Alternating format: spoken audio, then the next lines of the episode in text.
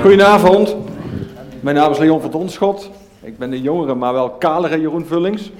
Ehm, ik, mag u, eh, ik mag vanavond uw eh, eh, presentator zijn. Het idee van de organisatie was dat het leuk zou zijn als verrassing dat een van de twee gasten vandaag zou worden geïnterviewd door een van zijn beste vrienden, in dit geval Alex. Ehm, je kent waarschijnlijk die programma's waar mensen na 37 jaar worden herenigd met doodgewaande familieleden en dan huidend op de grond vallen. Het idee was dat het ongeveer met Alex zou gebeuren. Dat is helemaal mislukt, zoals u ziet. Eh, maar we gaan er toch een mooie avond van maken. Mag ik een applaus voor Alex en voor Moerat? Waar is Moerat? Nou, kom op het podium. Kom erbij. Ja, Moerat. En Alex. Neem plaats. Tegelijk. Wij kennen elkaar nog niet. Ah, Leon. We hebben straks voor jou ook een eh, muzikale verrassing. En het idee, mijn idee was een beetje, als u het daarmee eens bent, dat ik eh, voor de muzikale verrassing eh, met jullie vooral praat over je eigen achtergrond en vooral het schrijven. En dat we na de muziek het nader gaan hebben over jullie recent verschenen nieuwe werk, nieuwe roman. Is dat akkoord voor jullie? Ja, prima, ja. Om met jou te beginnen. Jij bent eigenlijk van huis uit, ben jij jurist. Zou je, on- zou je ons nog hier van goed juridisch advies kunnen voorzien? Of is dat inmiddels volledig verwaterd? Dat gaat niet meer. Nee, ik Nee? ben in eh, mei gestopt als jurist. En eh, dat is een enorme opluchting na 14 jaar. En ik heb op een knopje gedrukt, erase. En ik ben nu alle kennis van het juridische ben ik kwijt. ik loop nu echt heel ver achter, dus nee, ik zou je niet kunnen adviseren. Nee. Vond je het leuk, juridisch gebied. 14 jaar lang?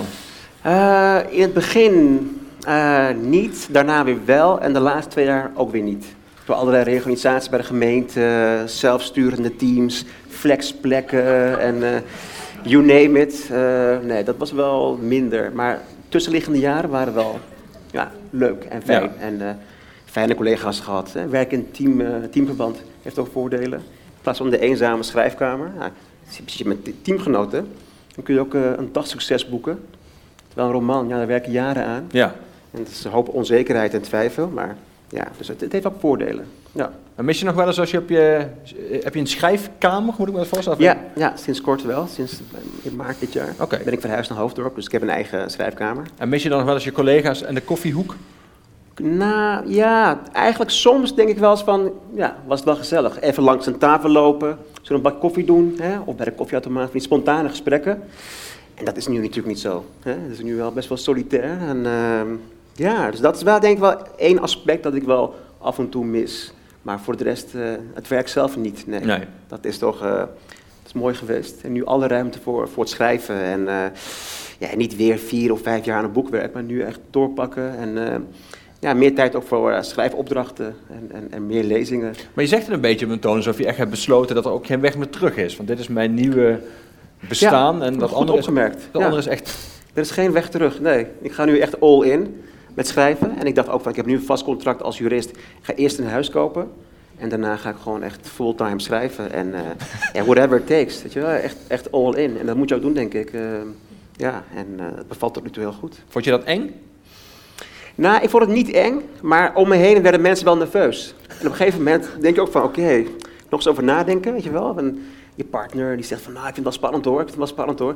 Als je dat vaak genoeg hoort. Dat is niet echt een motivational speech, hè? Nee, nee, maar in het begin stond er wel achter, absoluut, weet je wel. Maar ook, ja, mijn moeder heeft een vast contract, heeft een goede baan, als je verdient goed. Maar ja, nee, maar dit is nu het moment. Ik heb er lang naartoe gewerkt hè, en, en, en genoeg afgezien als jurist. En nu is het tijd voor de schrijver. En nu is het hè, alle ruimte hiervoor. En, echt- en afzien als schrijver. ja, dat is een andere eh, vorm van afzien. Daar doe je het voor jezelf, voor je eigen schrijverschap. En niet eh, om, een, om een deadline van je baas te halen of eh, een bezwaartermijn, weet je wel, volgens de, volgens de wet. Eh, dus ja, het is nu puur uit jezelf en een soort van innerlijke drang.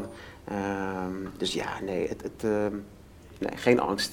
Het is wel overwogen en ook lang toegewerkt. Hè. Het is niet, Ja. ging niet over één nacht ijs. Nee. Ik heb het lang voorbereid, dus ja, het voelt goed. Dus je- vroeger had je bezwaartermijn en nu heb je een deadline. Dat is het verschil. Ja, ik heb wel veel deadlines. Ja, ja voor, voor hè, schrijven, opdrachten, eh, columns hier en daar. En ook eh, nou ja, mijn roman inderdaad. Onlangs het contract getekend voor roman 3. En dan heb je ook een deadline in je contract. Dus eh, ja, maar goed, dat is ook fijn. Dat, dat eh, Ja. houdt je ook bezig en stimuleert ook. Dus eh, ja, blij mee. Alex, ben jij, ben jij een deadline junkie? Eh, ik heb, ik heb eh, één keer een deadline eh, niet gehaald met dit boek. En, en ehm, dat, het zou eigenlijk eh, in, het, in het voorjaar uitkomen, het najaar uitgekomen. En, en ja, dat, dat, dat voelde wel als falen. Dus dat was, en, door het vorige boek Alleen maar de Goden, nou ja, kreeg ik heel veel aandacht voor het boek en daardoor ook heel veel lezingen. Die nam ik allemaal aan. En, en, ehm, want ik had namelijk ooit eens gezegd dat als ik de kans krijg om voor heel veel jongeren te spreken op scholen, dan, dan, eh, dan doe ik dat, dan zou ik dat doen. En daarvoor moet je worden gevraagd. En op een gegeven moment gebeurde dat. Dus daar heb ik, ik heb eigenlijk op alles ja gezegd. Want je hebt een essay geschreven, een pamflet over lezen Ja, op scholen, precies. lezen door Ja. jongeren. Ja, en dat was ongeveer, eh, volgens mij gelijktijdig zo ongeveer verscheen dat met Alleen met de Goden, of net ervoor of net daarna, ik weet niet meer precies. In elk geval ehm, werd ik ineens veel gevraagd. En dat gaat via zo'n bemiddelingsorgaan, de schrijverscentrale, hè, heet dat nu. En, en, dus ik zei overal ja op. En op een gegeven moment eh, ja, zat die hele agenda vol. En toen kwam ik niet meer aan schrijven toe. En, Dus omdat je jongeren uitlegt hoe belangrijk het is om te Schrijven- lezen, kon ja, jij niet meer schrijven. schrijven. Ja, precies. En, en eh, dus dat is, eh, ja, dat was ook wel een beetje de ironie ervan. En dus uiteindelijk moest ik toch weer gaan, en nieuwe deadline werd gesteld, najaar, en dat moet ik dan halen. En, en, en eh, ook omdat ik dat verhaal, eh, dat, dat moet ik kwijt. Dus dat, dat, dat wil ik er gewoon uit hebben. Dus dat, en dan, eh, dan ram ik het eruit, ja. Dan Ja. ram ik het eruit. Dat is een woord wat jij vaak gebruikt als je het over je schrijven hebt, rammen. Ja. Ja, volkse jongens denken niet na, hè, Leon. maar dus, moet ik me dan voorstellen, dat, heeft, dat geeft een wat woeste indruk. Ja. Maar betekent dat ook dat jij dan in een soort van cocon zit en alleen maar monomaan met het voltooien van het werk bezig bent? Dan wel. Dan wel. Ja, ja. ja. dan wel. Dus ehm, voordat ik begin met schrijven, ben ik ook bezig met, eh, met, eh, met het boek. Dus ik maak niet zozeer aantekeningen, ik schrijf geen verhaallijn uit. Het is niet dat ik eh, van tevoren heel lang nadenk over hoe een personage eruit gaat. gebeurt allemaal wel, maar ik schrijf het alleen niet op. Dus op een gegeven moment zie ik, eh, aan jongeren leg ik wel eens uit, het is net alsof je naar de bioscoop gaat. Je gaat naar de bioscoop, je ziet een film, die film vind je geweldig. Je komt uit de bioscoop, uiteindelijk ga je naar je vrienden toe. Die vrienden hebben die film niet gezien. Je zegt tegen je vrienden van, ik heb een geweldige film gezien. Je vertelt, en dan zeggen ze, waar gaat de film over? Dan vertel je de hoogtepunten. Je vertelt ongeveer hoe die verhaallijnen lopen. Zo zit het ongeveer in mijn hoofd.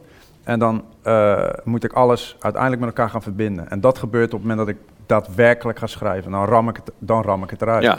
Ja, zie je, ga ik Is, dat, is dat een woord waar je, het woord, als Alex zegt rammen, is dat wat jij zelf associeert met de staat van jouw toetsenbord of met de manier waarop jij op het einde eh, bezig bent? Of is, is Nee, nee, ik denk dat we iets anders werken, Alex en ik. Ehm, ja, bij hem komt het er ineens uit, bijna Ja. een soort eruptie hè, van drie maanden dat het eruit moet. Ja, En ik heb bijvoorbeeld dat is een vrij korte periode, een, Ja. een paar maanden. ja, ja, dus Dus het heeft eigenlijk een lange aanloop en dan een soort... Ja, want er werd ook gezegd van, oh, nou, eh, een korte periode waarin je boek schrijft. Dat is eigenlijk best wel eh, gemakkelijk. Ik zei van, ja, maar bijvoorbeeld alleen met de goden heb ik misschien wel tien jaar over gedaan om hem te schrijven, weet je wel. En iedereen die mijn werk kent, dus die, die ziet thema's die ik eigenlijk al schreef in 2001, 2002. En die ziet dat in dat boek en dan denkt ze, ah, oké. Dus de aanloop is langer Ja. en dat, dat, dat is het verschil. Maar bij jou gaat dat dus anders. Ja, nee, ik, ik heb bijvoorbeeld eh, vier jaar gewerkt aan uh, Wees Onzichtbaar, tweede roman. En dan is het ook, natuurlijk ook doen naast het werk als jurist. Ik werk- schreef een weekend, ik had vier dagen dan, behalve de zaterdag, één vrije dag voor mezelf. Eh, en dan is het gewoon ehm, per dag zoveel woorden halen, meestal duizend, en dan mocht ik stoppen. Van jezelf. Ja, precies, een soort van een doel per dag. Maar meestal ging ik er overheen. Als ik in een flow raakte, dan dacht ik, oké, nog een ronde pakken. En dan eh, richting 2000 soms. Dan gaf je daar zelf ook een beloning? Ja, ja. Jawel eigenlijk. Wel, bijvoorbeeld eh, naar de film gaan of zo. Of, eh, Dan mocht je dat van jezelf als je meer had. Ja, en als het dan niet lukt, dan, dan, dan, dan baal je. En dan voel je ook schuldig. Als je dan eh, je, je tijd verkloot en door, door andere dingen te doen, van social media bijvoorbeeld, Facebook. Ja, dat is verschrikkelijk als je daardoor een schrijfdag verpest. Maar het, het ging ja, vaak wel goed, omdat ik die focus had. Ik wilde per se het boek af hebben, ook om het juridische werk af te sluiten. Hè. Dat is een soort van met elkaar samen. Dus eh, en ik heb een paar keer onbetaald verlof genomen van het werk. Dat is het voordeel van werken bij de overheid. Je kunt ook onbetaald verlof nemen. Dus in twee maanden heb ik toen heel veel gedaan. Het is iets van 88.000 woorden geschreven. En dat was echt, eh, ja, misschien was dat wel ook een beetje rammen, wat Alice net zei. Dat Ja. kwam er echt in één keer kwam er heel veel uit. En ik had ook toen een eerste versie af in, die, eh, in dat verlof, zeg maar. En een oerversie van nou ja, 1200 pagina's. Toen dacht ik van, oké, dit is veel. Ik moet nu echt flink gaan redigeren. En eh, dat was dit volgende probleem, hè. Om het allemaal flink te gaan snoeien. Ja, En, dat eh, heet Kill Your Darlings, maar in jouw geval waren dat wel heel veel darlings. Ja, het was echt een bloedbad inderdaad. En eh, het moest, moest letterlijk, personages moesten echt letterlijk sneuvelen op. En die bijpersonages. En eh, ja, soms best lastig. En af en toe denk ik wel eens aan bepaalde verhalen, of verhaallijnen in het, ja, in het boek. Dan denk ik van, ja jeetje, misschien moet ik het toch erin laten. Dit eh, waren echt wel mooie hoofdstukken. Maar hier en daar kan ik wel dingen hergebruiken. Bijvoorbeeld Mhm. voor nou, ja, korte verhalen in een bundel. Dus dat, Ja. Want bij films hebben regisseurs, eh, soms heb je nog een DVD met wat dat heet, deleted scenes. Maar je hebt Mm. heel veel deleted scenes dan. Heel veel deleted scenes inderdaad. En ik denk eens misschien een, een, een jubileumeditie van eh, Wees onzichtbaar na zoveel jaar. Ja. Met extra hoofdstukken. Wie weet, ik heb een, een wild plan dat ik heb. eh, maar het is niet verloren gegaan. Ik heb alles bewaard. En, en ja, soms kun je het voor een kort verhaal hergebruiken. Ja. Het zijn ook vaak losse verhalen. En ja, Want je zei net, toen je die twee maanden onbetaald verlof nam, had je het over die 88.000 woorden. Dat is, dat is in veel gevallen is dat al een roman, zelfs bij Ja. sommige mensen anderhalve roman. Maar jouw boek is lijvig. Had jij, ehm, had jij eh, hetzelfde als Alex? Had jij in je hoofd ongeveer wel de... Of, of ben je zo iemand die allemaal schema's heeft liggen op zijn bureau van... Dit moet hier naartoe en dat personage Nee. gaat zo... Ik had geen schema's, maar misschien achteraf wel handig geweest, een schema. Aan de andere kant, dit is zo'n boek. Er was zoveel materiaal in mijn hoofd. Hè? Allemaal herinneringen, anekdotes uit de Bijlmer. eh, mensen die ik kende van vroeger, buren, junks, potloodventers. Het moest er allemaal uit, denk ik. Om te zien wat ik, wat ik in handen had. Oké, dit is nu allemaal, het ligt op papier. Wat is dit? Wat heb ik nu in handen? En ehm, ja, dus ik, ik dacht wel dat het nodig was. Eh, het is wel enorm tijdrovend. Ehm, ja, maar tegelijkertijd bij, bij hetzelfde werkwijze als bij een debuut. Dat je heel veel tekst hebt en Ja. later ga je het een beetje, ja, ga gewoon echt flink snoeien. Ja, Ehm, ja, tijdrovend, maar ik denk wel dat het eh, bij dit boek paste. ja. Misschien bij een volgend boek dat ik het dan anders aanpak. Ehm, ja, Hoe werkt dat bij jou, Alex? Weet jij van tevoren al, eh, heb jij ook sommige dingen die je moet uitschrijven, terwijl je weet dat je ze misschien niet gebruikt, maar ze moeten dan eenmaal eerst uitgeschreven worden voor je dat weet? Of heb jij al in je hoofd wat ook uiteindelijk de, de, zeg maar, de keuze gaat worden? Of is er bij jou ook veel bulkmateriaal? Nee, niet zo heel veel bulkmateriaal volgens mij. Dus dat, valt volgens mij wel mee. En eh, kan je eigenlijk heel makkelijk, kan je natuurlijk gewoon zien aan de versie die je inlevert. En de versie en, die je en, de versie die je terug. Ja. En, en hoeveel woorden je er uiteindelijk zelf uitsloopt. En ehm, ja, dat is, dat is eh, ik meen met, met eh, alleen met de goden zijn iets van 20.000 woorden uitgegaan. Maar dat was een, een, vrij groot document. Ja, 20.000 woorden, weet niet precies hoe dat zich laat vertalen, maar het, het, het volledige eh, document was iets van 186.000 woorden. Dat is ook een vrij dik boek, eh, eh, zeg maar vergelijkbaar een beetje met, met dat van Moerad nu. Ja, En, en dan is 20.000 woorden niet zo heel veel, Nee. weet je wel. Dus uiteindelijk gaat er altijd wel wat uit, want er is altijd gruis. En als je een dik boek maakt, dat, dat moet Moer dat ook weten, dan val je in herhaling. En niet elke herhaling is noodzakelijk. En de niet noodzakelijke herhalingen, daar heb je dan een redacteur voor die zegt van, je herhaalt jezelf hier. dan ga je weer. En, weet je en, wel. eh, ja, en dan... En dan eh, dat zat dan in de kantlijn, daar ga je weer. Ja, van die herhalingen. Maar ook dat ik zelf het herlas, ik dacht van, oh ja, weer zo'n scène. Als je het zelf vervelend vindt, dan, dat is echt de toets inderdaad, dan moet je Ja. eruit halen. Als je het zelf al niet, niet interessant vindt, dus ja, zo waren ook een paar van die hoofdstukken en dingen over de vader. Dan dacht ik van, oh ja, dit heb ik al een keer verteld. Soms duurt het neem ik aan even tijd, enige tijd voor je dat zelf ziet. Of, of heb je al de dag erna als je terug... Ja, nee, dat had ik Nee, al. maar pas bij, bij het herlezen van, van het hele manuscript denk je, oh ja, in het begin deed ik het heel veel, bewust ook, bewust herhalen om iets duidelijk te maken. Ja. Maar als dan hoofdstuk 80 weer terugkomt en dan weer heel uitvoerig, denk je, oké, hier kan het wel iets korter. Punt is gemaakt, weet je wel, eh, we weten het nu wel. Ja. En je moet ook niet de, de vaart eruit halen, want je werkt naar het einde toe. En dan hoef je niet meer dingen uit het begin te herhalen. ja. Dus eh, nou ja, zo lees je het een beetje kritisch door. Je moet, je moet zelf heel kritisch naar je eigen tekst kijken. Er zit veel muziek in jouw eh, nieuwe roman, Alex. Veel jazz. Betekent dat ook eh, dat je veel naar jazz luistert tijdens het schrijven? ja, ja, dit keer wel, ja. ja. En dat Ja. leidde niet af of maakte niet... Ja, het ligt eraan, welke, het ligt eraan welke, wel, wat voor soort jazz. Maar ehm, ja, veel van de nummers die in het boek voorkomen, die heb ik gebruikt. Dus Alabama van John Coltrane is in het boek. En dat, dat, dat stond wel op herhaling eh, op mijn oortjes, zeg maar. Dus eh, als ik niet thuis schreef, maar in, eh, soms schrijf ik in Rotterdam in een café. Chat, je de oude chat, in het boek, die nooit echt oud mocht worden. Ja, ja. En, en, ja.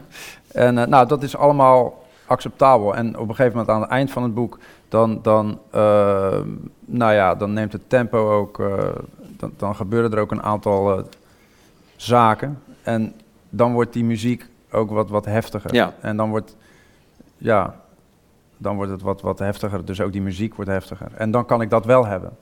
En dus ja, ik vind dat wel prettig. Ik, ik hou van dat ritme, weet je wel. Dus ik ben, ik vind mezelf niet meteen een mooi schrijven, maar de zinnen moeten elkaar wel opvolgen. Ze moeten elkaar op de een of andere manier moeten ze aan elkaar hangen. Ja, En, en zodat je er eigenlijk... muziek in zitten. Ja, zodat je niet opgeeft en zo als lezer, maar dat je door moet gaan, dat je door moet gaan. En, en dat vind ik eigenlijk heel belangrijk. Ik, ik, ik, ik vind het niet prettig dat ik aan mijn bureau zit, dat ik dan een zin schrijf, dat mijn, mijn borst dan opzwelt, dat ik dan helemaal gelukkig word van de bijzinnen die ik heb gemaakt, de comma's die ik heb gezet, dat ik denk, oh, nou als de lezer dit ziet, nou, dan kan hij zien hoe geniaal ik werkelijk ben, weet je. Dus dat is nou niet waar ik echt gelukkig van word. Weet je, het gaat erom dat de lezer in één keer in dat boek duikt en die wordt erin meegezogen. Dus, en, en, en zo schrijf ik het ook. En zo moet het ook worden gevoeld. En anders is het eh, mislukt, vind ik. Dus eh, ja. Draai jij muziek als je schrijft? Ja, ik vind het een goede vraag trouwens. Een leuke vraag ook. Ik heb niet vaak eh, gesteld. Maar ik, ik luister zeker naar muziek. Ik heb het nodig ook om, om af te dalen naar die wereld en naar die tunnel. Maar Eh, kies je dan muziek die al... je weet ja. van, oké, ik moet vandaag deze scène schrijven, dus dan pas ik pak ik ook iets Ik heb een vaste playlist. En er staan iets van, nou ja, in het begin 40 nummers op en later hè, wordt het steeds eh, langer, die playlist. Bijna 60 uur muziek inmiddels. Maar ik luister vooral het begin dan, de eerste 20 nummers. En dat is dan op dat moment mijn favoriete muziek. En het is heel veel The National, is dat? dat is vrij donker, ja. Ja, donker, inderdaad, ja. Het is niet heel vrolijk, maar het is ook wel meer melancholisch. Ja. En, en, en ook melodieus. Hele goede teksten ook. Ik bedoel, tekstschrijver Matt Berdinger, die kan ook gewoon volgens mij romanschrijver zijn. Ja. Hele mooie teksten. Heel- Maar leidt dat niet af? Want bijvoorbeeld bij jazz vaak instrumentaal, maar ik kan me voorstellen bij de National dat je dan bijna de neiging hebt om naar de teksten te gaan luisteren, terwijl je zelf ook geacht Nee, wordt teksten nee. te schrijven. Ik denk als het nieuwe liedjes waren geweest, eh, die, ik- die ik voor het eerst hoorde, dan wel. Dan ga je echt heel bewust luisteren. Dus het zijn vooral liedjes die ik ken. Hè? Ouder materiaal, eh, van oudere albums. En dan eh, is het bijna een soort van achtergrondmuziek, dat wel vertrouwd is, maar tegelijkertijd het leidt ook niet af. En het houdt vooral alle geluiden van buiten houdt het uit mijn hoofd. En dan eh, kan, ik, kan ik echt afdalen naar die plek en eh, ik word niet afgeleid. En ik schrijf ook in, in rondes van anderhalf, twee uur. En dan is het klaar. En dan ga ik lunchen of ontbijten en dan weer anderhalf, twee uur. Eh, en muziek helpt er ontzettend bij. Dat is echt eh, ja, ideaal. Ik zou niet kunnen schrijven zonder muziek. Dat is echt eh, koptelefoon op, muziek aan. En sinds kort ook een app, hè, eh, Self-Control, dat je internet uitzet. Dan kun je instellen twee uur lang geen internet. Dan kun je ook websites instellen. Dan kun je dus niet meer online, niet op Facebook of Twitter. Dan kun je alleen maar schrijven. Wat een ironie. Om zelfcontrole te houden moet je een app gebruiken die zelfcontrole heet. Ja, ja precies. Ja, inderdaad. Zo heel ironisch, maar het werkt wel. En, eh, weet je, en, en ik kan alleen maar op eh, een het woordenboek van Dalen en synoniemen. Voor de rest werkt niks. dat, dat zijn mijn eh, ja, materialen. En af en toe dan zoek ik iets op. Dus, eh, maar het werkt echt eh, heel Maar als je dan, stel me dan voor, als je dan, die, dan heb je dan die pauze die je zelf hebt gegund na die twee uur. En dan ga je dan meteen wifi aanzetten en kijken welke mails je afgelopen twee jaar Ja, hebt dan ga ik gemist. naar beneden en daar heb ik een iPad en dan kan ik gewoon eh, weet je, de krant lezen of, of eh, Twitter of eh, eh, nieuws doornemen. maar boven is het alleen maar, dus daar is het geen internet op dat moment. Ik kan alleen maar schrijven. En dat is de plek, hè, in je schrijfkamers. Ik vind dat wel ja, heel goed passen en eh, heel effectief. Als het maar werkt, toch? Ja, daar gaat het om als het maar werkt. En, en, en dit, dit werkt. En eh, ik, wil, ik vind het zelfs heel zonde vinden om nu, nu ik ook vader ben sinds september, ik heb een kleintje van nu bijna 12 weken, Proficiat. Dankjewel. Tijd is al schaars nu. Om dan eh, een paar uur te gaan Facebooken terwijl je moet schrijven. Ja, dat zou ik echt bijna onvergeeflijk vinden. Even, dus dat, dat gebeurt nu ook niet meer. Ja. Dus op je boekpresentatie eh, spraken een aantal mensen, op de presentatie van je nieuwe roman, eh, en die hadden het allemaal over mails die jij ze had gestuurd, die waren allemaal nachtelijk. Ja. Eh, is dat een indicatie van wat je, zeg maar, in de fase van het schrijven ongeveer jouw, jouw, jouw dagritme is, namelijk een nachtritme? Ja, ehm, als, ik, ja, als ik schrijf, dan schrijf ik de, nou ja, door. Dus en, en zo nu en dan geef ik ook nog les. Dus dat is dan de, de, de breuk. Eh, Sportles hebben we nu over. ja, ja, ja. Kickboxles. Eh, ja, kickboxles. Kickboksen schrijven is eh, niet alleen maar een mediaterm. En, en dan s- s'avonds als ik terugkom en, en ik heb nog energie, dan ga ik door tot in de nacht. Slaap ik een paar uur, de volgende ochtend ga want ik sta gewoon normale tijd op. Mijn zoon moet naar school, mijn vrouw moet naar de werk. Dus ik sta gewoon op en dan ga ik ook weer door. En, en dat is eigenlijk het ritme. Schrijf ik dan niet, dus nu is er bijvoorbeeld een roman uit, dan slaap ik eigenlijk ook heel weinig. Dus eh, ik, eh, Ik slaap je ze nooit. nou, ik, ik, ik, weinig. Dus ik, eh, het is meestal rond, rond drieën dat ik slaap en ik ga er vroeg uit, dus zeven uur. Dus ik heb meestal zo'n vier, vijf uurtjes slaap. En soms was het lastig. Maar nou ja, het gaat nog steeds. ja. Ik zie ook geen koffie hier op tafel staan voor jou, dus dat is Nee, niet nodig, nee, nee, drink ik wel, maar nee, nee, nu niet. Heb jij ook self-control nodig? Of eh, kun jij, eh, ben Met jij internet bedoel je? ja, zo'n app die jou afsluit van de wereld? Nee, nee, maar ja. Ik zou, ik, het is trouwens wel een goede vondst, maar ik ben helemaal niet technisch man, dus dat zou bij mij wel helemaal misgaan. Maar dus ik, ik, ik, ik gebruik, ja, de- de- dan ineens heb ik alleen maar internet, weet je, dat je, dat je alles binnenkrijgt, al die meldingen. En, en, eh, maar nee, ik, ik, ik, ik ben daar gewoon niet mee bezig op dat moment. Dus het is niet dat ik niet van de social media ben.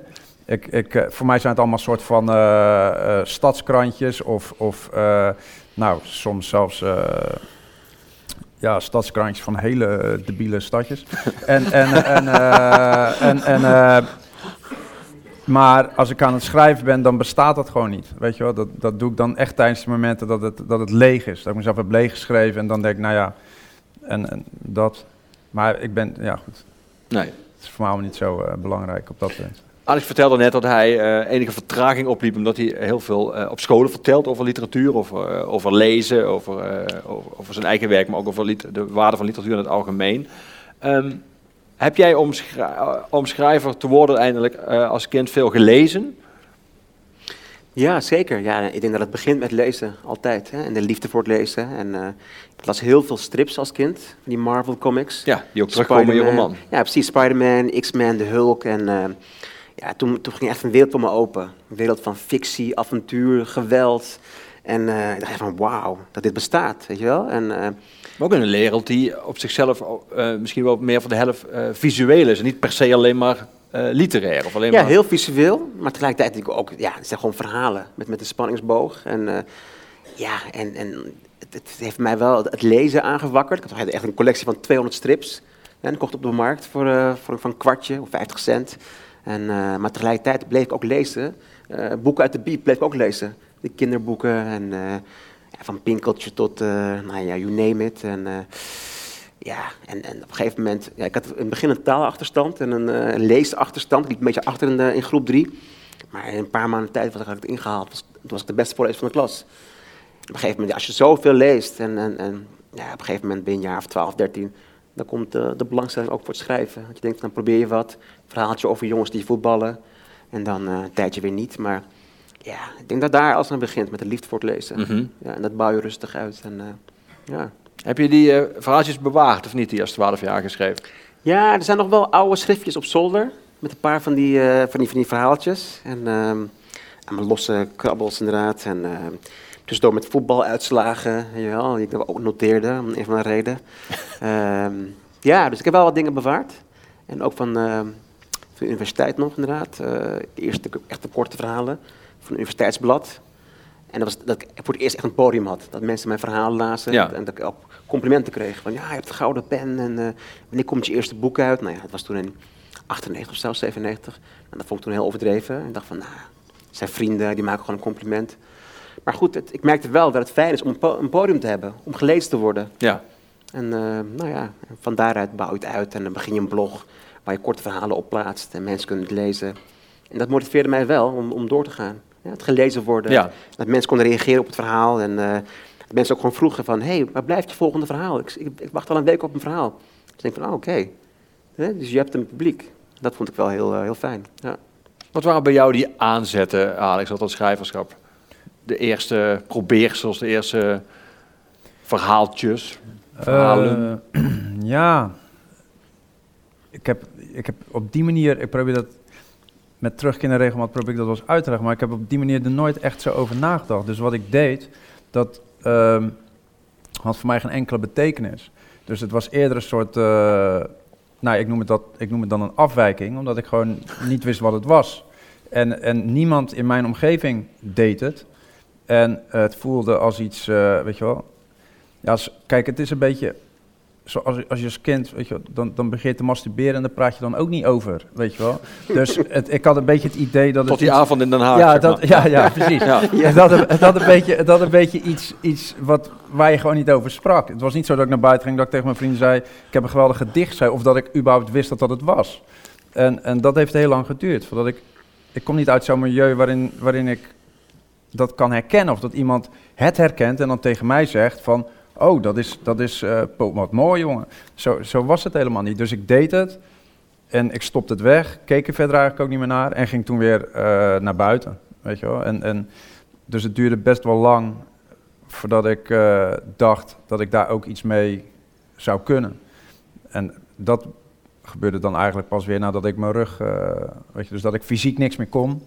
En alleen nog maar met het hoofd kon uh, bewegen. Nadat je een ongeluk kreeg? Ja, toen, ik, toen ik een ongeluk had gekregen. En, en uh, dus ja, toen verschoof het accent, zeg maar. Dus ja. Maar ik dat gevoel van uh, een publiek, dat had jij dus in het begin helemaal niet. En dat had je dus kennelijk ook niet nodig om te schrijven. Want er was niemand voor wat nee, je maar schreef, ik was ook niet, alleen jijzelf. Ja, en ik dacht ook niet op die manier na. En ik dacht ook niet, ik dacht ook niet over kunst na, weet je wel. Ik dacht ook niet over, over kijk, uh, mijn vader was een strenge arbeider en weet je wel, rockmuzikanten. En dus als we naar top op keken, dan waren rocksterren waren allemaal junkies. En ja, dat want die zaten aan de drugs.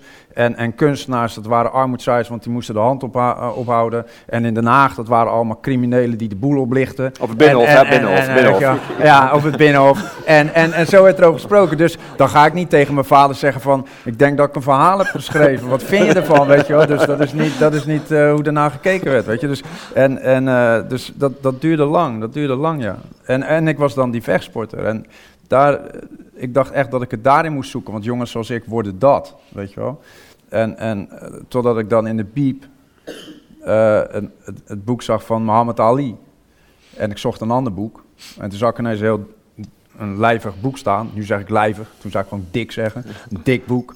En er stond dan de grootste van Muhammad Ali. Nou, dat ken ik, nu ken ik Cassius Clay Muhammad Ali wel, omdat mijn vader me uit bed haalde. Al! Ali op tv! Weet je, en dat was dan uh, boksen. En, en, en toen las ik ineens dat boek.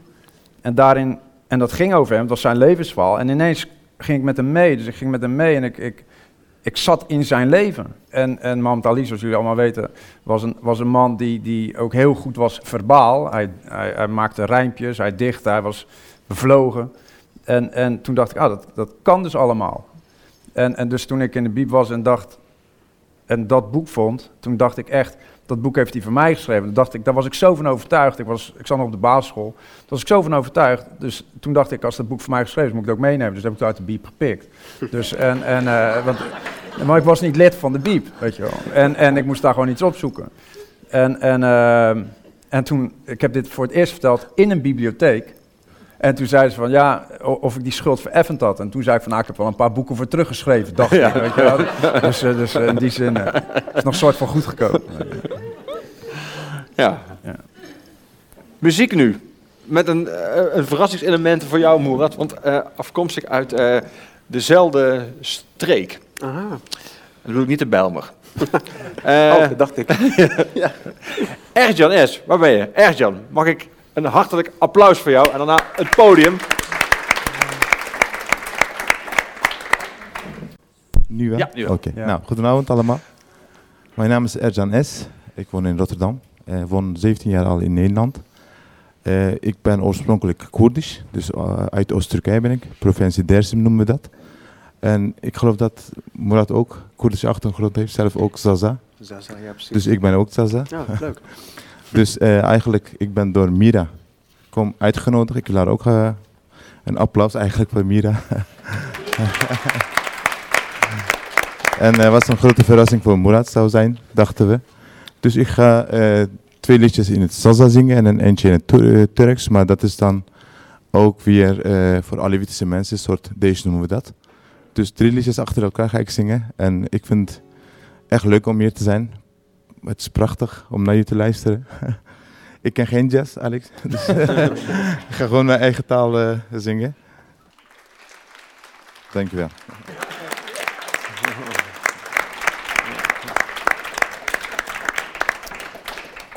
Mogen we je straks nog vragen voor een toegift, of niet? Mogen we straks We Want More roepen na het gesprek? Ja? Dankjewel. Moera, toen ik... Uh, we hebben een paar keer de Bijlmer, het woord Bijlmer is een paar keer gevallen. Daar ben jij opgegroeid, heb je lang gewoond. Uh, als je jouw roman leest, jouw nieuwe roman, dan is dat wel een, bijna zeggen, het meest dankbare decor voor een verhaal wat je bijna zou had kunnen hebben. Er zit zoveel in. Mm -hmm. Eh, je hebt er meteen een beeld bij. Dat beeld is voor veel mensen denk ik uh, grauw en rauw. Maar er zit ook wel een soort humor in. Uh, niet in jouw roman, vooral in jouw roman, maar ook in de Bijlmer zelf als omgeving. Dat er gewoon dingen gebeuren op straat, zelfs bij volle daglicht, die zo absurd zijn dat ze bijna grappig worden. Um, kom je daar als schrijvende achter dat, dat, een heel, dat je eigenlijk een heel rijk verleden hebt meegekregen voor een, een literair decor? Of wist je dat al? Ja, ik, ik, wist dat van tevoren dat de Bijlmer een interessant decor was natuurlijk. Uh, het is echt een schat vol verhalen, de Bijlmer. allerlei culturen, zonderlinge figuren, maar ook een hele eigen geschiedenis. Een onbekende geschiedenis. Iedereen denkt dat de Bijlmer hè, altijd een ghetto geweest was. En uh, altijd maar veel leegstand en you name it is niet zo. Dat een hele andere geschiedenis. Ja, die verwerk je ook in je boek. Precies. Vond je dat je dat moest, moest doen? Had je niet, nee, nee, maar ik, was, ik vond het meer een, een kans om die, dat verhaal te vertellen over de Belmer. Hè. Ik wil dat clichébeeld van de Belmer doen kantelen. En ik wil dan al echt echte verhaal vertellen. De essentie van de Belmer. Hè. En, en ik heb research gedaan en ik ben achter dingen gekomen die ik zelf niet wist. En, en uh, als, als oud Belmerbewoner nooit geweten ook dat, uh, hoe die wijk was opgezet scheiding van wonen en werken. Siegfried Nassert als architect. Uh, heel idealistisch. Ja, het was een heel idealistisch project heel idealistisch project inderdaad. De meest moderne wijk ter wereld, eind jaren 60 ook. De hoogste huren van Nederland. Twee dik zo hoog als in het centrum van Amsterdam. En, en wachtlijsten om er te mogen wonen. Echt lange wachtlijsten. Dus ja, dat is allemaal nieuw voor mij. En ik dacht van jeetje, dat is zo boeiend. Dat moet ik verwerken in, in het boek. Kijk je ook met zelf met terugwerkende kracht anders terug dan naar je jeugd, of in ieder geval een deel van je leven... Nou, wel naar die wijk. Het werd steeds meer voor mij ook een personage, dat, die wijk. Hè? Die, die, die heel hoopvol begon en, en, en uh, was echt met veel trots ook. Hè? Door de gemeente Amsterdam was echt trots op de Bijlmer. De koningin was trots op de Bijlmer, heel Nederland was trots. En, en van iets wat eigenlijk een, iets heel moois was, is het veranderd in, in een soort probleem, een, een gezwel, waar Amsterdam van af wilde. En uh, dat is in een, in heel korte tijd gebeurd eigenlijk. Dat het een opgegeven wijk werd en dat het werd verstoten. En uh, ja, dat vond ik een heel boeiend proces. Zeker als je in het verhaal zit, dan, uh, ja, ook voor mijzelf als schrijver, uh, ja, werd het ook spannend of, of, of, avontuurlijk om die ondergang te schetsen. En ook te laten zien waarom het misgaan eigenlijk met die Belmer. En, en ja, dat was eigenlijk... Ehm, ja, ik vond het geen opdracht, maar ik vond het wel een kans om dat verhaal te vertellen. Hè? Uh, omdat het voor mezelf ook nieuw was. En, ja. ja, het is echt een personage, die wijk. En zeker die flat, de flat Vleerde zie je echt langzaam ten onder gaan. Met een paar ja, ook activisten die ze hun lot verbinden aan die flat. Hè. De eerste bewoner van die flat, meneer Rolf, die wil niet weggaan, die wil vechten voor die flat. En uh, verbindt zijn lot ook aan die flat. En het is een heel dramatisch verhaal eigenlijk. Van een man die, ja, eigenlijk de ideale buurman, die iedereen zich wenst, meneer Rolf. Die eigenlijk uh, niet kan bolwerken dat die flat wordt gesloopt. En, en, en zich letterlijk vastketent ook aan die flat. En, en ja, dus uh, geïnspireerd op een bestaande buurman. Weliswaar was dat een bejaard stel, en, uh, maar het waren wel ook de laatste bewoners van die flat. Dus dat, dat inspireerde mij tot meneer Rolf, die niet wilde vertrekken. Dus uh, ja, nee, ik vond het wel mooi om die geschiedenis te kunnen vertellen van, van die wijk. Maar ook om ermee te spelen met het feit dat je weet dat iedereen bij het woord Bijlmer al een bepaald beeld heeft. En dat eigenlijk alles wat jij aan dat beeld toevoegt of kantelt is al, is al een verrassing omdat het beeld zo vast staat. Ja, het beeld staat heel erg vast inderdaad. Uh, dus, dus het, inderdaad aan mij om dat uh, op een ja, kleurrijk, maar ook boeiende manier te vertellen. En, en, en, en ook met humor. Hè? En niet alleen maar uh, heel, heel feitelijk, juist met, met humor, absurdistische scènes en, en iemand die, die ook dat verhaal vertelt van de Belmer. Uh, ik zei het zelf wel, er zit ook heel veel humor in, heel veel grappige scènes die ook lucht en licht geven van het verhaal. Want op sommige momenten is het heel zwaar, op andere momenten is het juist heel grappig. En, en, en ja, moeten, moeten mensen ook uh, echt lachen. Uh, ik was bij Nooit meer slapen, VPRO radio eerste wat, die, wat de interviewer zei, Pieter van der Wielen, wat heb jij een grappig boek geschreven? En dat vond ik zo fijn om te horen. Dat was het eerste wat je zei, wat een grappig boek. Ik dacht, yes, ik ben geslaagd in mijn missie. Niet alleen maar een zwaar verhaal, maar ook een verhaal met humor over die kleurrijke wijk. Weet je, met feesten in Kwaku, ontmoetingen met junks en met potloodventers en gekke dingen die gebeuren. En ja, ik vond, het, ik vond het heel leuk om te schrijven juist, die scènes. Het gaf mij ja, heel veel plezier ook om terug te lezen. Dus uh, ja, het was een avontuur, dat hele boek, uh, om te mogen schrijven. Ja. Alex, je hebt veel complimenten over je werk gekregen, maar dat het nou per se heel grappig is, hoor je niet heel vaak, denk ik. Um, nou, in eh, de dialogen tussen eh, Jacob en Claire, de oude man. Ja. En eh, de vrouw die dan, zijn vrouw die dan uiteindelijk overlijdt, maar lijdt aan Alzheimer. Die worden wel eens grappig ervaren. Dus in die zin, luchtigheid. maar is ja. dat, eh, wat, ehm, hoe, hoe vind jij het lastig om te voorkomen dat het, eh, dat het alleen maar grimmig wordt? Want op zich hebben de, ook personages in jouw eh, nieuwe roman hebben het niet per se eh, een, een, een, leven dat nou heel gemakkelijk, Nee, dat, maar- ze, dat ze gemakkelijk afgaat. Ja, nee, maar kijk, ik zie dan humor in het feit dat je daar een aantal mensen hebt die op de een of andere manier niet goed met hun, nou ja, die hun gevoelens niet goed onder woorden kunnen brengen. En die botsen letterlijk tegen elkaar Ja. aan. En dan ontstaan er van die dialoogjes, van die gesprekken. En voor mij is dat heel voorstelbaar. Het is voor mij heel voorstelbaar als een paar oude mannen dan uiteindelijk in een clubhuis eh, belanden. En het zijn allemaal mensen of mannen die, die uiteindelijk gepensioneerd zijn. Het zijn zeemannen geweest. Sommigen hebben nog een vrouw, sommigen niet. Die een, wel een vrouw hebben, die kanker over die vrouw. Die geen vrouw hebben, die kanker ook over die vrouw. Weet je wel? En, en dus, en eh, ja, de pijn die zit daar, maar die wordt nooit meteen uitgesproken, weet je wel. En, en eh, ja, dat vind ik ook mooi. En ook in, in de gesprekken tussen eh, Jacob en Claire, ja, hoe schrijnend dat is dat hij zijn vrouw langzaam verliest, terwijl het tegelijkertijd zo liefdevol is en, en zij hem eigenlijk een beetje, eh, nou ja, af en toe best wel een beetje toesnauwt, Mhm. weet je. Dat, dat, ja, ik herken dat ook wel, weet je, hoe, de- die onha- onhandigheid, de- hoe je met elkaar omgaat. Voor mij is dat eh, grappig. Ja. Ik vind dat grappig. Dus heb je gewoon een heel donker gevoel voor humor. Dat zou natuurlijk ook nog kunnen. Ja, dat zou ook heel goed kunnen. Ja. Dus, en, en maar tegelijkertijd, de rauwheid schuilt in, in de personages van, eh, van Amy, die dan eh, gepest wordt. En uiteindelijk nou ja, loopt ze met een, een, een, een tragische geschiedenis rond. En, en, en eh, Harvey, die donkere jongen, die, Ja. die, eh, nou, die ook niet uit een, eh, uit een hele goede thuissituatie komt. Dus ja, dat, daar zit rauwheid in, ja. Maar ik, ik hoop en ik, ik denk dat ik dat doe, dat ik in die verhalen gloort altijd iets van hoop, lichtheid, leven en ook, ja, voor mij wel humor. Ja. Maar het is niet zo, weet je, dat, dat, ik, dat ik denk van, nee, het, het is ook wel een grappig boek hoor, mensen. Weet je, dus dat, dat, zo- ben ik niet, niet bezig, weet je wel. Dat is niet, dat, nee, sommige mensen die, die, die zien dat, die voelen dat, die ervaren dat, anderen niet. Nou ja. Die Harvey, een van die hoofdpersonen, die zwarte jongen, die, eh, die, daar gaan we daar nog verder over praten, die vindt het zeker niet makkelijk. En toch uit het feit dat jij al vrij snel aangeeft welke tijd het boek zich afspeelt, de tijd dat Obama in het Witte Huis Ja. terecht kwam. Ehm, en ook als een symbool van dat het alles mogelijk is voor een zwarte Amerikaan, wiens zelfs geboortecertificaat wordt betwijfeld door zijn opvolger. Eh, dus Ja, eh, da- daar zit een soort op de achtergrond, ook noem je het maar één keer, of kom maar Ja, als, als, ja, als een tv-flits langs, ja. schuilt ergens iets dat ook voor Harvey nog meer in het verschiet ligt- ligt dan hij wellicht zelf denkt. Ja, ja. En nou ja, of dat gebeurt, dan, dat, dat wordt dan duidelijk in het boek. Maar wat ik, wat ik daar mooi aan vind, is dat dat is dan dat, dat grote Amerika, waarin in één keer die, die eh, ja, de eerste zwarte president van de Verenigde Staten wordt verkozen. En, en dan, dan denk je werkelijk van, nu kan alles, weet je wel. Ik bedoel, volgens mij weten we het allemaal nog, weet je wel. de Mensen die daar bij aanwezig waren, die Amerikanen die huilden en, en, en eh, de, achter de wereld zou gaan veranderen. Want Obama die werd pre- Ja. en, en ik schets dan het verhaal van dat in een naamloos gat, in een naamloos stadje, in een, in een eh, laag flat, niet in, in een wolkenkrabber, woont dan een donkere jongen. En voor hem verandert eigenlijk helemaal niets. Nou, dat, dat contrast, dat, dat heb ik dan willen, willen aangeven, heb ik willen schetsen.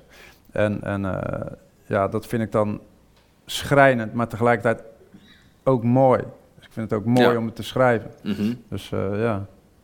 Zowel eh, hij, dat hebben eh, dus, eh, jullie hoofdpersonen, als ik Harvey even als de, er zijn er meerdere, maar hij is een van de belangrijkste Mm. hoofdpersonen. En jouw hoofdpersoon hebben gemeen met elkaar dat ze een zeer, laat ik zeggen, op zijn minst getroubleerde of ingewikkelde relatie hebben met een dominante vader die ook van drank houdt. en dat ze op school gepest worden. En dat ze ook eigenlijk iemand anders nodig hebben om op school te leren voor zichzelf op te komen. Ehm, Is dat in jullie beleving heel bepalend voor hoe je de rest van je leven al dan niet jezelf ziet en voor jezelf opkomt? Zo'n zo feit dat je op school wordt gepest en ook nog in allebei de gevallen bij jullie overigens vanwege hun huidskleur of achtergrond, etnische achtergrond. Of het bepalend is? Ja, is dat, is dat heel, heb je het gevoel dat dat heel lang doorwerkt, zoiets? Of kun je dat over het algemeen... Ja, ja kijk, ik ben zelf ook gepest op de middelbare school. En eh, het is best wel ingrijpend als je komend uit de Belmer naar een andere wijk gaat in Amsterdam. Uh, Zuidoost weliswaar, maar toch een andere wijk met een hogere sociale klasse, een echte middenklasse. Waar de jongens uh, wel merkschoenen hebben en, en, dure trainingspakken. En als je uit de toon valt, als enige Belmer jongen met een Turkse achtergrond, die de schoonmaker wordt genoemd, ja dan... Dat is zijn bijnaam in het boek, hij wordt heel ja, hij wordt mee de schoonmaker genoemd. Nou, ik had het ook. Mijn was ook de schoonmaker. Dat was best wel confronterend als je in die nieuwe wereld belandt en je kunt niet je plek vinden. Uh, het is best, best lastig. En, en eigenlijk als je opvalt terwijl je niet zou willen opvallen. Ja, en eigenlijk weer dan onzichtbaar zijn. En dat is ook de overlevingstactiek van, van de hoofdpersoonboek. Hij wil onzichtbaar zijn. Maar op die school werkt het averechts. Als je je onzichtbaar maakt voor, je, voor de pestkoppen, wordt het alleen maar erger. Dat betekent in zijn geval dat je af en toe gewoon niks terug zegt. Ja, letterlijk. Dat hij echt zijn tong inslikt en uh, niks terug kan zeggen. En, uh, en daarmee wordt het eigenlijk alleen maar erger. Tot zelfs een meisje met rood haar, een beugel en een bril hem op straat voor hey, schoonmaker uitmaakt. En dan weet hij wel van oké, dit is echt de rock bottom. dit is echt het dieptepunt. ik moet nu echt nu opstaan. Dit is nu echt te ver gegaan, echt too far gone. Uh, maar dat ja, bepaalt wel als, als jongen van 12, 13 hoe je je voelt in zo'n groep. Dat je eigenlijk op de achtergrond wil zijn en uh, maar niet gezien te worden. En, en dat verandert dan in het boek. Als, als er een jongen in de klas komt, Kaya heet die die op een dag de klas binnenwandelt en een Turkse jongen en die wel bravoure heeft, heel populair bij de meisjes, maar ook goed kan voetballen. En die ontfermt zich over, over uh, Metin, zijn dezelfde stad geboren, Izmir.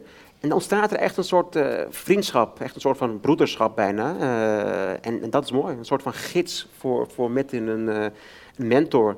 En toevallig een overeenkomst met het boek van Alex kwamen we achter een, uh, nou, bij ons vorige gezamenlijk optreden. Maar dat is wel mooi. We treden overal samen op.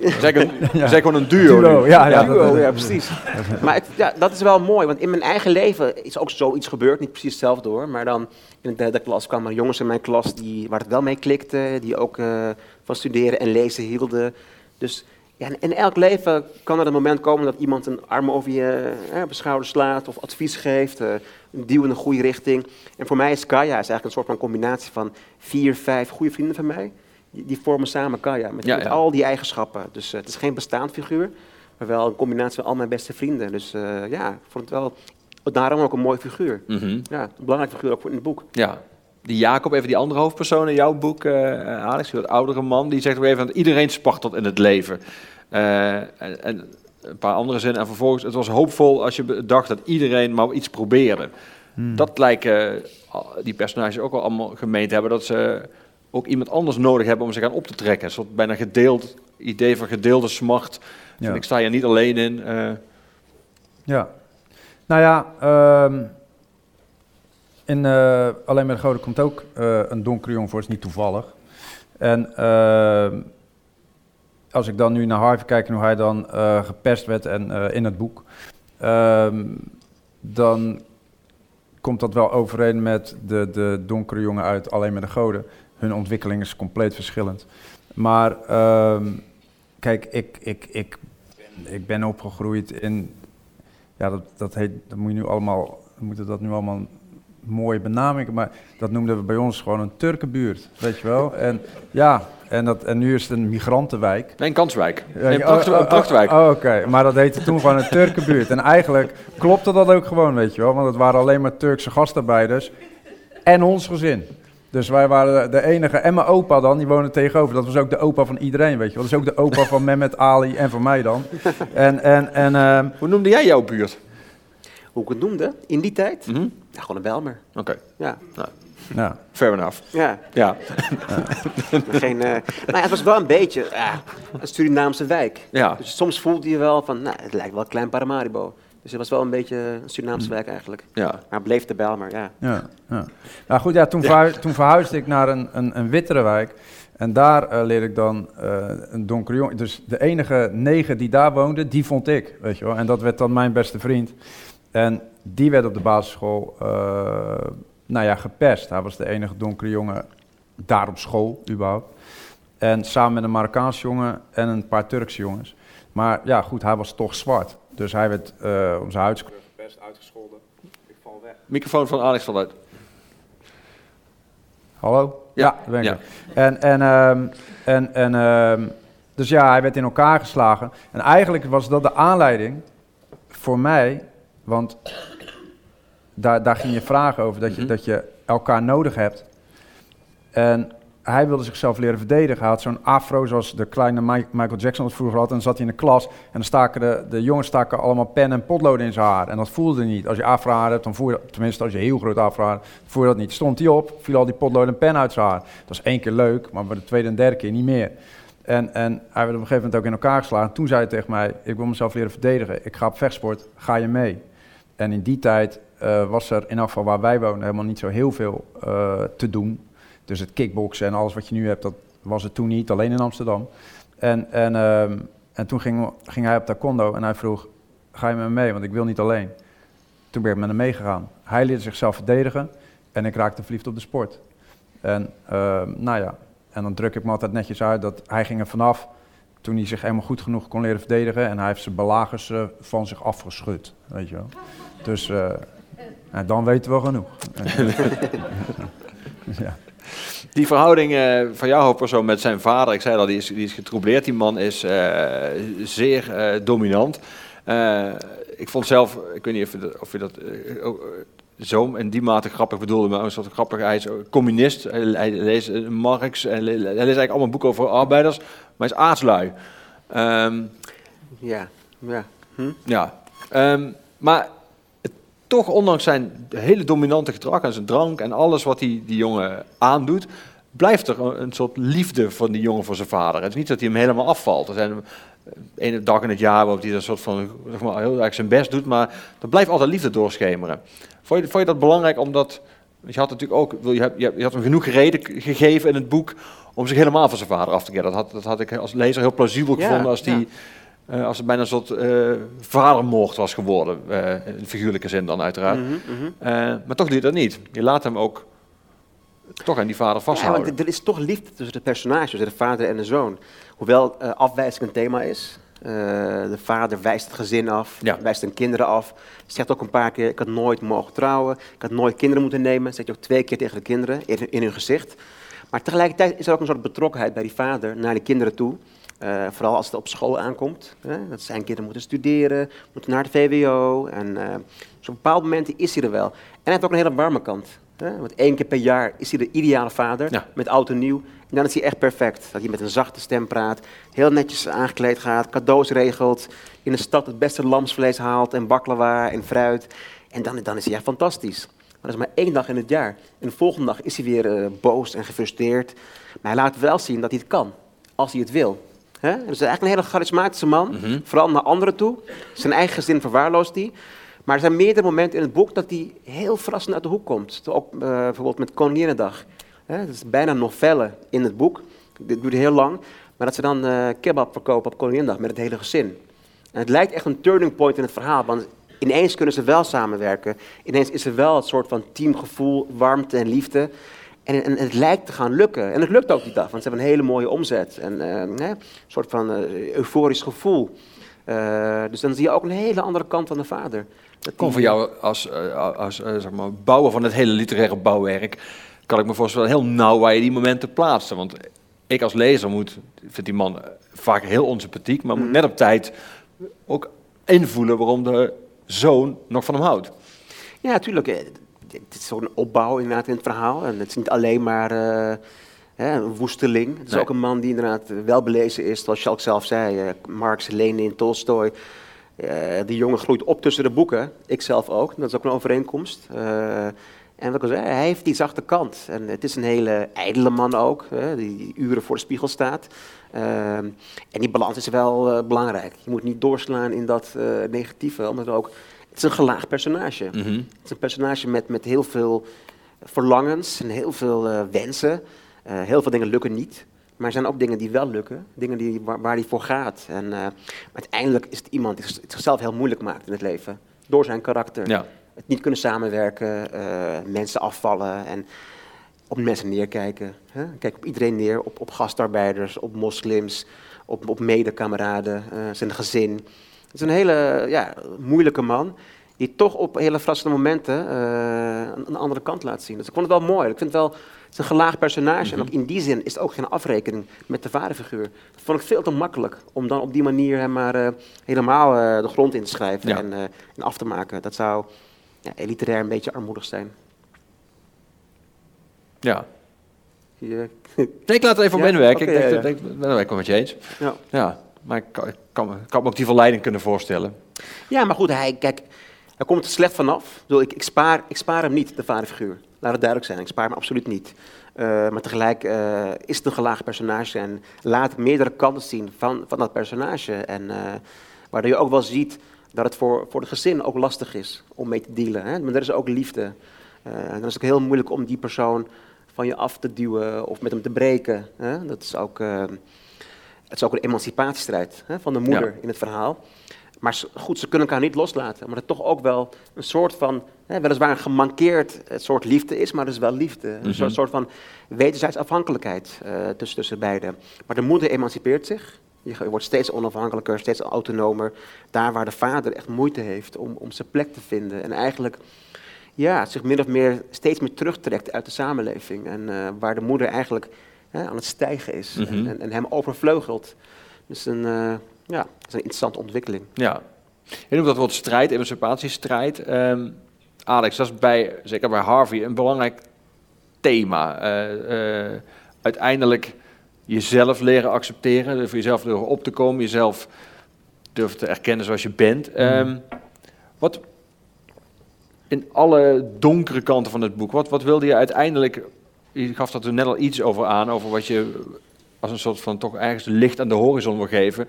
Maar is dat voor jou belangrijk dat je uiteindelijk die personages zich toch weten te ontworstelen en al datgene dat ze klein houdt en onderdrukt en Eh, nou, het is niet. eh, het hoeft geen Disney-einde te hebben of zo, weet je wel. Het is niet dat ik denk van. eh, nou, het moet positief eindigen, want eh, u moet allemaal wel met een goed gevoel naar huis. En dat, is- dat, is, niet, dat is niet hoe het is. En, en ehm, kijk. dat is niet hoe het is in jouw boek, omdat het in werkelijkheid ook niet zo is? Of dat is niet zoals jij nou, wil dat het ik, is? Ik, ik, eh, ik kom uit een dergelijk milieu en ik weet dat er heel veel situaties zijn waarin het niet zo is, weet je wel. En eh, mensen bewegen op de vierkante meter een beetje naar links en een beetje naar rechts, zelden omhoog.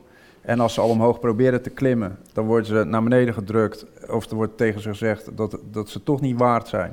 En die mensen die daar al zijn, die, die snappen dat niet. En die, die vertellen een heleboel over dat soort mensen. Weet je, zo van, ja, eh, ze doen niks. Of, of ja, maar ze doen ook hun best niet om zich eh, aan hun, aan hun eh, eigen lot te ontstijgen of om, om hun lot te verbeteren. Of, of, ja, maar je kijkt er van boven, je kijkt van boven naar beneden. Dus je hebt, je, je hebt letterlijk gewoon geen idee, weet je wel. En wat ik probeer is om je als lezer mee te nemen en om je te laten zien, kijk, kijk om je heen. Kijk, kijk wat er gebeurt. En dat is ook letterlijk gebeurd. Met alleen maar de goden is dat gebeurd. En met dit boek merk ik het ook weer.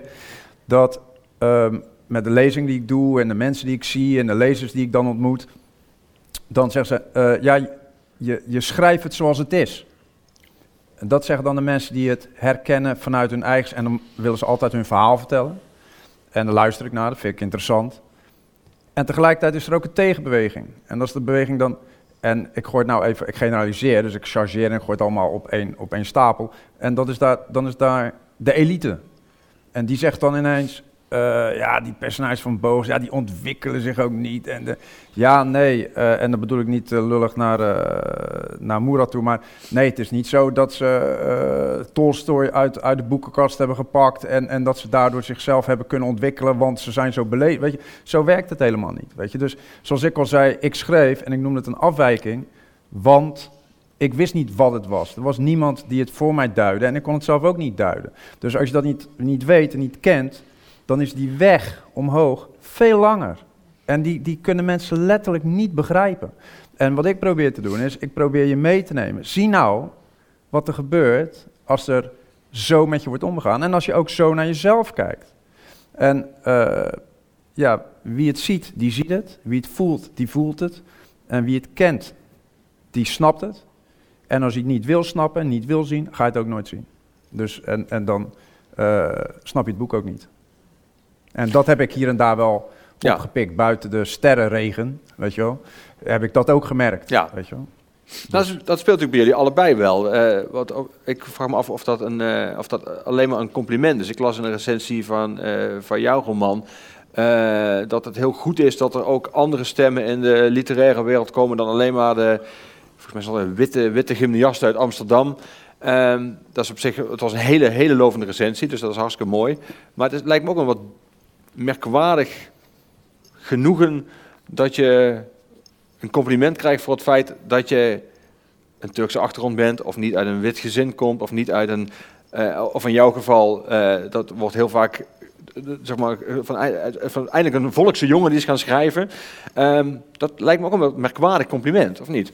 Nou, sorry, ik, ik, ja, ik ga voor je. Maar Ja, die vraag is al jullie allebei. Ja, dus, ja eh, maar ik vind, nou, laatst zat bij bijvoorbeeld, ik weet niet, want ik, ik onthoud het allemaal niet, maar ik zag aflevering van De Wereld Draait Door, zat een zwarte actrice, die, kreeg, die had dan een prijs gekregen, ik ken de naam niet helaas, en toen werd er gezegd eh, van, eh, dat ze de eerste zwarte actrice was, die. En vervolgens probeerde zij eh, tegen, tegen de Amsterdamse autist Matthijs, probeerde ze dan uit te leggen dat, ze, dat ze op die manier niet zo blij is met, met, met- even indalen, maar toen werd er geklapt. ja, dat, ze, dat ze op die manier niet zo blij is met die prijs. En toen zag je, dat werd meteen overvleugeld door Matthijs. Ja, dat is toch gewoon een mooie prijs, toch gewoon een mooie prijs. En kijk, zolang eh Moerad op die manier, en no- nogmaals, je, je kan het zelf maar zolang Moerad op die manier wordt geïntroduceerd of steeds wordt genoemd, zolang ik eh, die arbeid, en dan kan je zeggen, ja, maar je cultiveert het toch zelf. Nee, we doen niets anders dan over de werelden schrijven die wij kennen. Zoals de mensen die uit de grachtengordel komen, of die over, uit, uit een soort elitaire wereld komen, die daarop schrijven. Maar dat wordt nooit geduid. Er wordt nooit gezegd, de elitaire schrijver, eh, weet je, dat wordt nooit gezegd. Weet je, want dat is kennelijk de status quo. En als je niet bij die status quo hoort, dan moet het dus meteen een label hebben. Dan moet het een etiket hebben. Nou, zolang dat eh, niet verandert en de zwarte schrijver de zwarte schrijver is... en bijvoorbeeld eh, de, de Marokkaanse schrijver de Marokkaanse schrijver... de Turkse schrijver de Turkse ja, dan, dan, dan, dan, zijn we nog, eh, dan zijn we er niet. Weet je wel. Vind ik. Niet vergelijkbaar met een vraag van. We hebben een vraag uit het publiek. Mevrouw, vertel. Kom erop! Begrijp wat u zegt. Ja. Is het niet hetzelfde als wat aan vrouwen altijd gevra- of gezegd wordt: dan hebt u een prachtige rode jurk aan. En die schoenen zijn ook eh, heel erg mooi. Terwijl uw schoenen zijn ook prachtig. Maar Hmm. ik denk dat u nog nooit een compliment over. Altijd. ja. Eh, Over, ja, mevrouw, ik, ik, ik, ik zoek de humor niet eens, maar altijd als ik naar, eh, nee, niet eens, maar altijd als ik naar een lezing ga, ik krijg altijd te horen van, god, ik vind, en, en vaak ook wel van wat oudere dames, gek genoeg, die zeggen dan, die zeggen dan, god, wat bent u zo mooi gekleed. En ik- dat ervaar ik dan niet als, als, als vervelend of negatief, of dat ik denk van, ik, nee, het ging over de schoenen, toch? Ja, ja. Dat, er, dat vrouwen altijd op hun uiterlijk gekeken worden en mannen niet. En bij vrouwen zijn er altijd dezelfde soort vragen. Nou, maar het ja, ja. zijn. Nou goed, dan snap ik Dat Ja, dan snap ik. Ja, maar dan snap ik uw vraag. Dat gaat dus over de, over de seksen. En dat, en dat klopt ook. Dat, eh, Seksen en achtergrond. en achtergrond, dat is allemaal hetzelfde. Dus zolang een vrouw, als zij een goed boek schrijft. Ik las bijvoorbeeld, ik, ik lees dat wel eens, dat komt dan op eh, social media of zo. En dan gaat het weer eventjes. En dan heb je van die feministische schrijvers en die, die gaan dan op de barricade. En dan vinden ze heel erg, ja, maar vrouwenliteratuur en. En, en daar ben ik eigenlijk op die manier ook tegen. Net zoals dat ik bijvoorbeeld een boek van Moerad lees, omdat ik een boek van Moerad wil lezen. Niet omdat hij een Turk is. En ik ga ook geen boek lezen van, van een vrouw omdat het een vrouw is. Dus ik lees een boek omdat ik het boek goed vind. Ik las eh, eh, de dagboeken van Virginia Woolf en ik las Toni Morrison en later Alice Walker. En nooit gedacht van, oh dat zijn allemaal vrouwen. Oh en wacht even, dat, eh, een paar zijn er ook nog donker. Nee, ik zocht naar authentieke stemmen, naar dagboekfragmenten. En ik wilde weten wie heeft, wie heeft nou dagboeken geschreven. Kwam ik uit bij deze schrijvers. Oh ja, ze zijn vrouw. Oh ja, er zijn er twee donker. Doesn't interested me. Ben ik op dat moment helemaal niet mee bezig. En zolang dat bestaat, dus we zijn het eens met elkaar, dan eh, zijn we ver van huis. Dat is gewoon niet goed. Je moet, het, je moet het boek kunnen waarderen voor wat het is. En wie het geschreven heeft. En dat is alleen maar uniek. Dus het, is, het voegt toe. Het voegt toe. Het verrijkt. Het is mooi als een vrouw een boek schrijft en eh, de beleving van haar vrouw zijn zit erin. Dat je denkt, zo, dat, is, dat is mooi. En hetzelfde geldt voor Moerad met zijn achtergrond en ik met mijn achtergrond. Maar je zou, je, je zou er niet op moeten worden afgerekend. Moerad, er is inmiddels veel over jou beweerd. Je bent etnisch gelabeld. Ik luister Tijd om jou eens eh, Ja. het woord te gunnen. Ja, nee, je haalde ook aan die recensie waarin ze het benoemen. Ehm, ik vind het nooit de, de meest lovende stukken. Het zijn ook de stukken die ik zelf eh, denk, oh ja, pff, gaan we weer, weet je wel. Eh, niet de meest interessante stukken van zo'n recensie. Ik wil ja, als romancier beoordeeld worden. Beoordeel de roman, de roman sec, het verhaal. eh, niet mijn achtergrond. Van, oh, we hebben weer een Turks-Nederlandse schrijver. Ja, ik vind dat minder interessant. En eh, eh, geef er een labeltje aan. Ehm, het gaat om, het- om het verhaal. En, en ik vertel een eh, verhaal over het milieu dat ik ken. Ja. Over een wijk waar weinig over verteld is. ik wil ook de clichés doen kantelen, wat ik al zei. En eh, ja, allerlei labels. En eh, wat er ook heel vaak gezegd werd. Ja, we hebben zo weinig Turks-Nederlandse schrijvers. Diepst al heel lang. Ja, ik ben niet mee bezig. Nee. Ik voel me ook geen rolmodel. Ik voel me ook geen Turk. Ik ben een Nederlandse schrijver. Eh, dus ja, kleine correctie, Alex. dus ja, dat, dat vind ik helemaal, als het wordt aangehaald, iedere keer weer in recensies.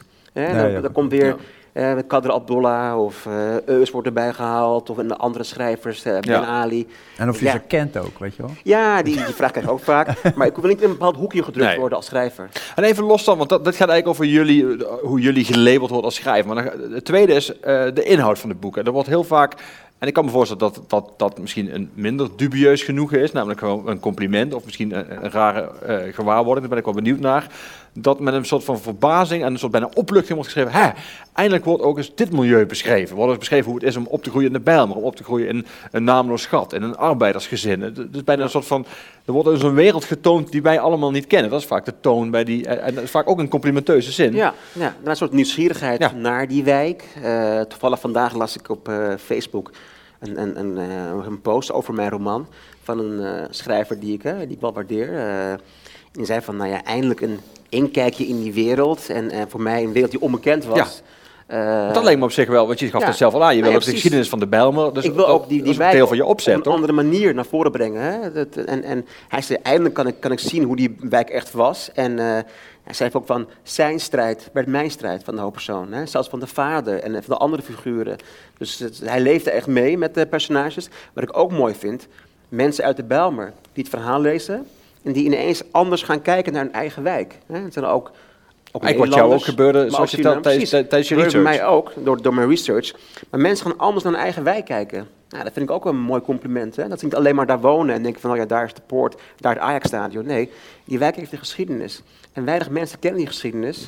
En als je het vertelt eh, vanaf het begin, en hoe ambitieus het was, en hoe kansrijk, en eh, hoe blij Nederland was met de Bijlmer, en hoe het daarna is veranderd. Dat is eigenlijk een heel ja, fascinerend proces geweest. En, ehm, en mensen kijken echt anders naar hun eigen wijk. En dat, dat, dat is voor mij denk ik ook, nou, ik vind het wel eh, belangrijk, denk ik. Als je, als je zo'n verhaal vertelt over de Bijlmer, ja, moet dat er wel in, vind ik. Eh, de geschiedenis van die wijk. Wat ik ook een beetje probeer in het bij Verloren Grond.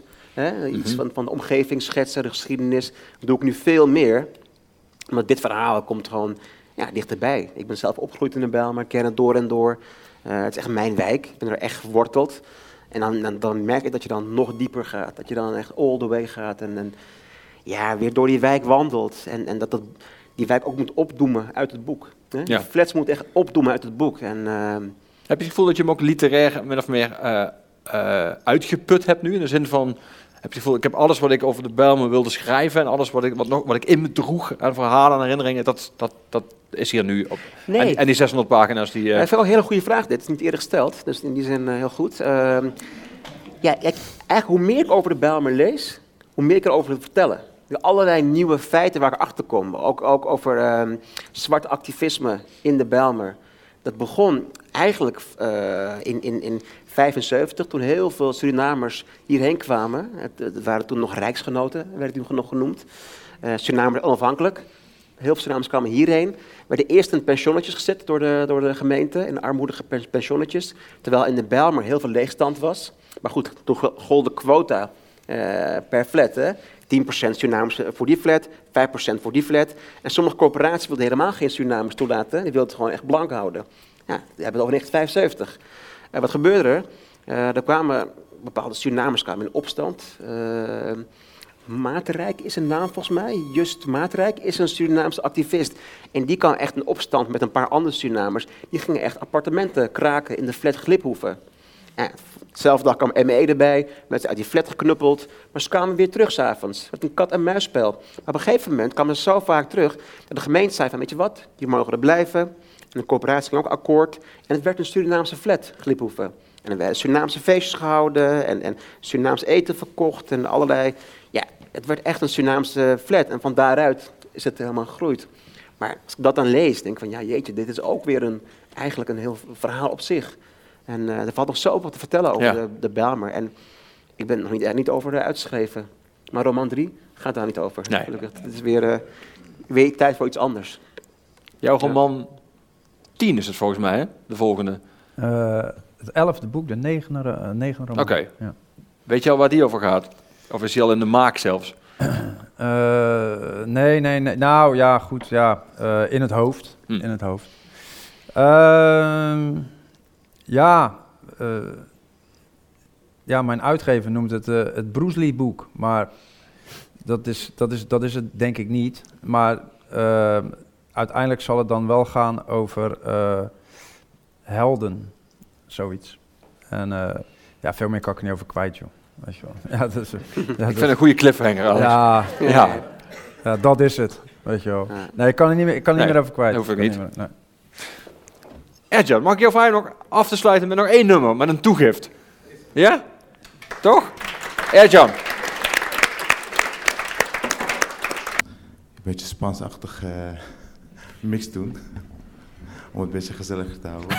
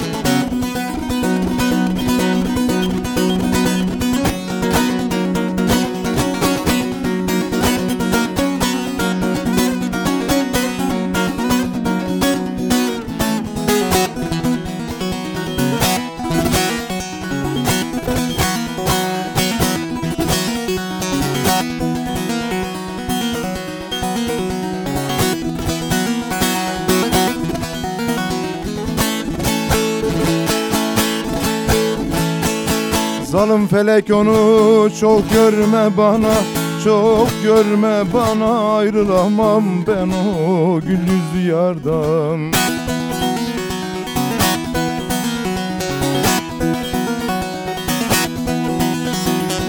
Sıtkıyla bağlıdır canım canana Canım canana. Ayrılamam ben o gül yüzlü yardan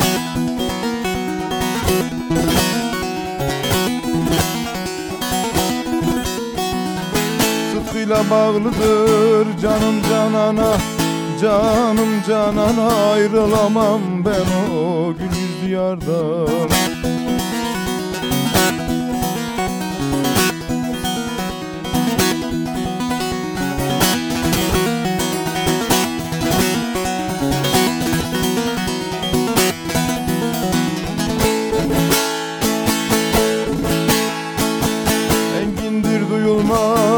figanım sesim Figanım sesim açıktır o yare gönül kafesim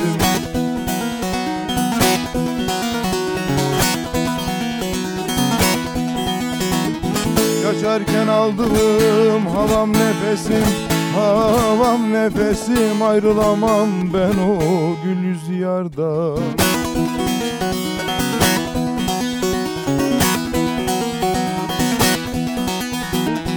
Yaşarken aldığım havam nefesim Havam nefesim. Ayrılamam ben o gül yüzlü yardan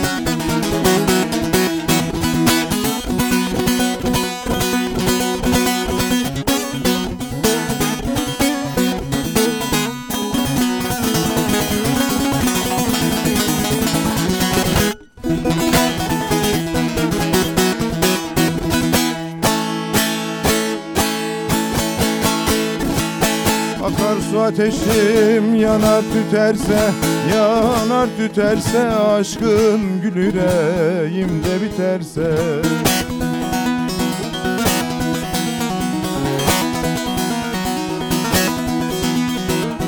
Ayırsın feleğin gücü yeterse Gücü yeterse ayrılamam ben o gül yardan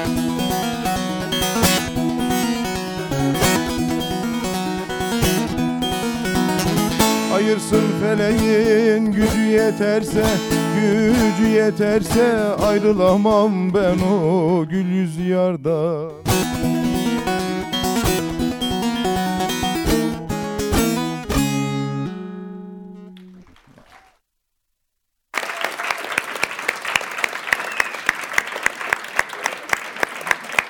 Dankjewel, Etje. En dankjewel, Moerat. En dankjewel, Alex. Moerat en Alex, dankjewel. Dankjewel. Dankjewel. Dames en heren, eh, ja, de bar is open. En niet te vergeten, de boekhandel is geopend. En de auteurs zijn aanwezig om te signeren. Dank voor je aandacht en nog een hele fijne avond en fijn weekend. En misschien tot de volgende keer.